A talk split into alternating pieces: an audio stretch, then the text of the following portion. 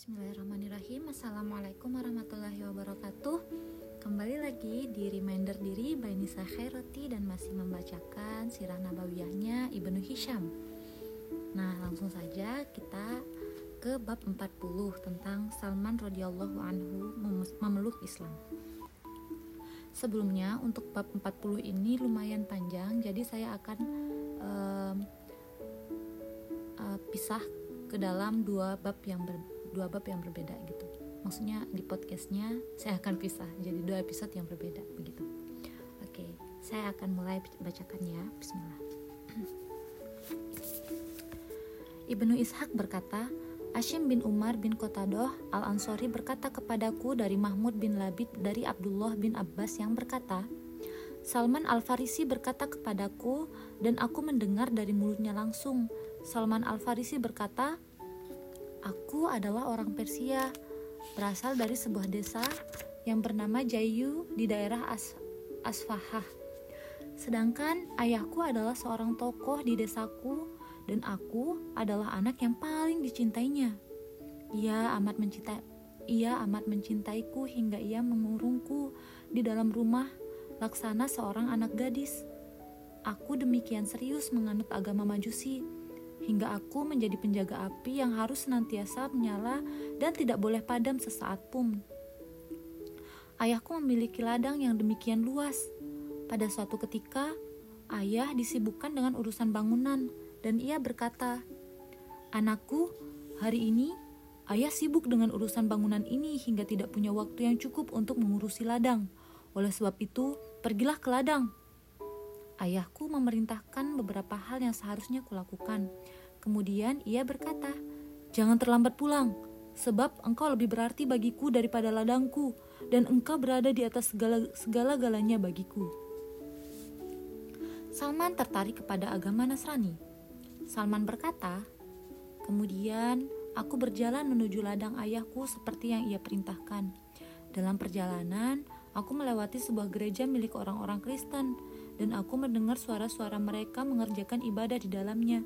Aku tidak tahu banyak kehidupan manusia karena aku dikurung di rumah.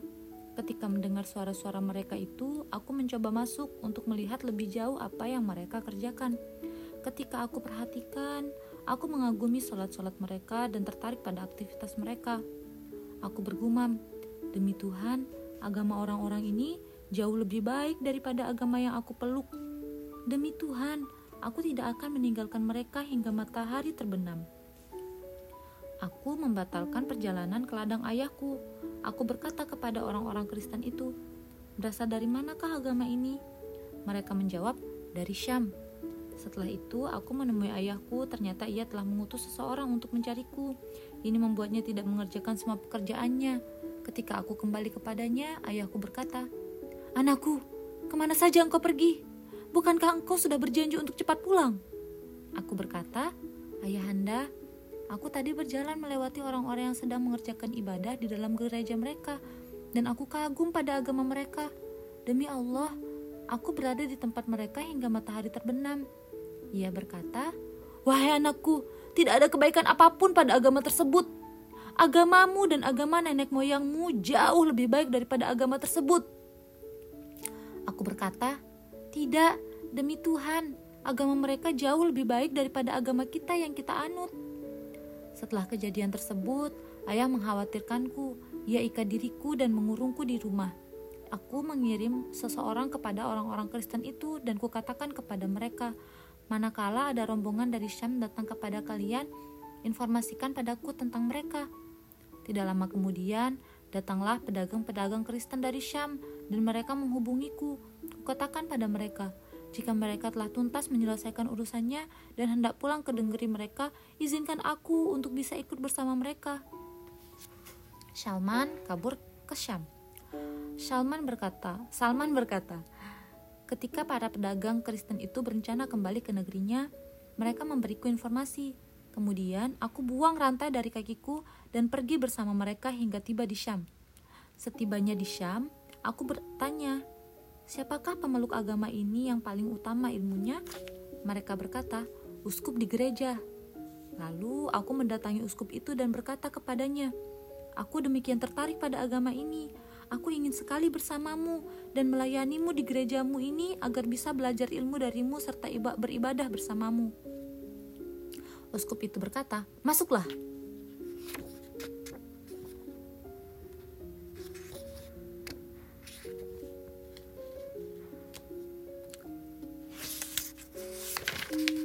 Aku pun masuk, namun ternyata uskup ini adalah orang yang jahat. Ia perintahkan umatnya bersedekah dan senantiasa menyeru mereka untuk melakukan itu. Namun, apabila mereka telah mengumpulkannya, ia simpan hasilnya untuk kepentingan dirinya sendiri dan tidak menyerahkannya kepada orang-orang miskin, hingga ia berhasil mengumpulkan tujuh tempayan penuh berisi emas dan perak. Aku sangat marah padanya akibat tindakannya tersebut. Tak lama kemudian, uskup tersebut meninggal dunia. Orang-orang Kristen berkumpul untuk menguburkan jenazahnya, namun aku katakan kepada mereka, sesungguhnya orang ini adalah orang yang, seorang yang jahat.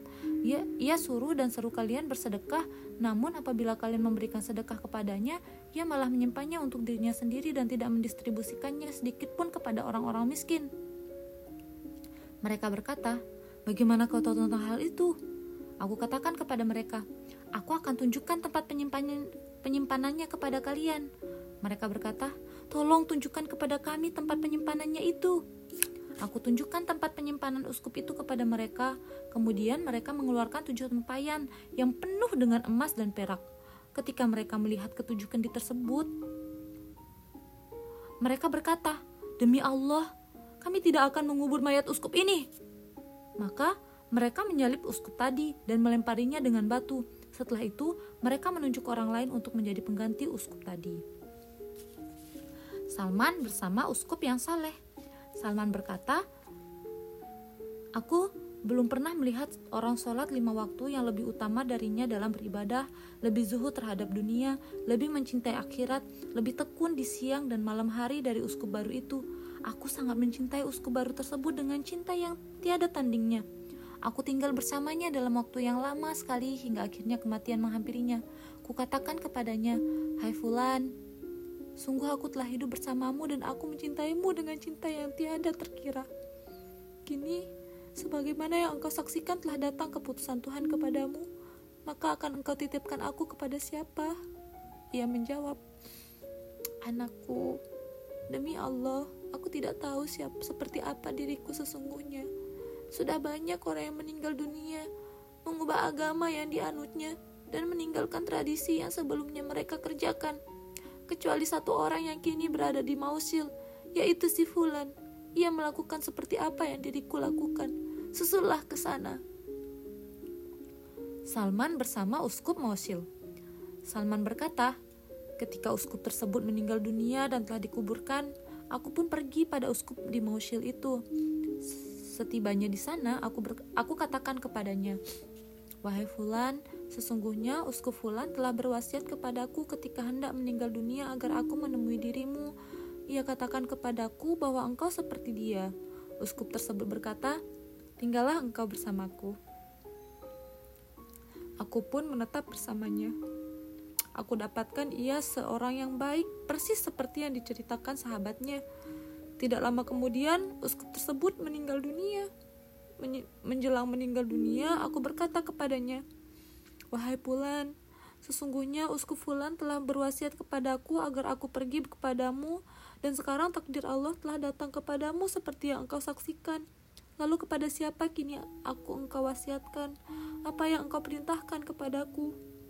Uskup berkata, Anakku, demi Allah, yang aku tahu hanya ada satu orang yang seperti kita di Nasyibin, yaitu si Fulan. Pergilah engkau menemuinya. Salman pergi kepada uskup Nasibin. Salman berkata, ketika uskup Nasib eh ter, ketik uh, maaf, Salman berkata, ketika uskup tersebut telah meninggal dunia dan telah dikuburkan, aku pergi menemui uskup di Nasibin itu. Aku jelaskan perihal diriku adanya dan apa yang diwasiatkan dua sahabatku. Ia berkata, tinggallah bersamaku.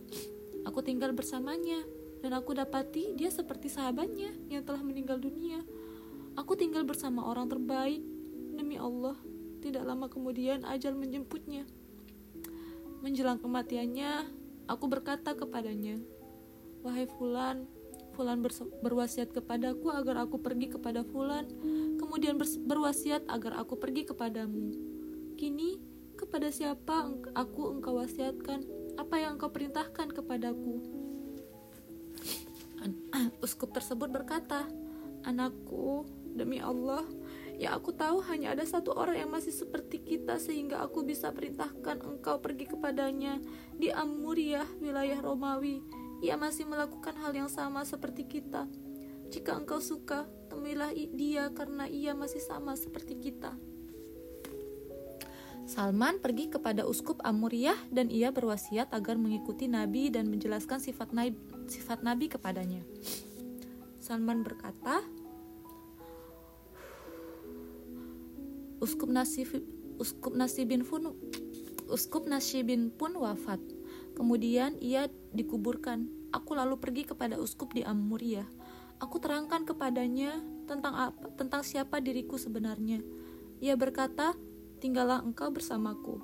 Aku pun tinggal bersama seorang yang demikian baik sesuai dengan arahan sahabat-sahabatnya dan perintah mereka. Aku bekerja sampai mempunyai sejumlah sapi dan kambing. Tak berapa lama kemudian, uskup itu pun meninggal dunia. Menjelang kematiannya, aku bertanya kepadanya, "Wahai Fulan, aku pernah tinggal bersama Fulan." Lalu ia berwasiat agar aku pergi kepada Fulan.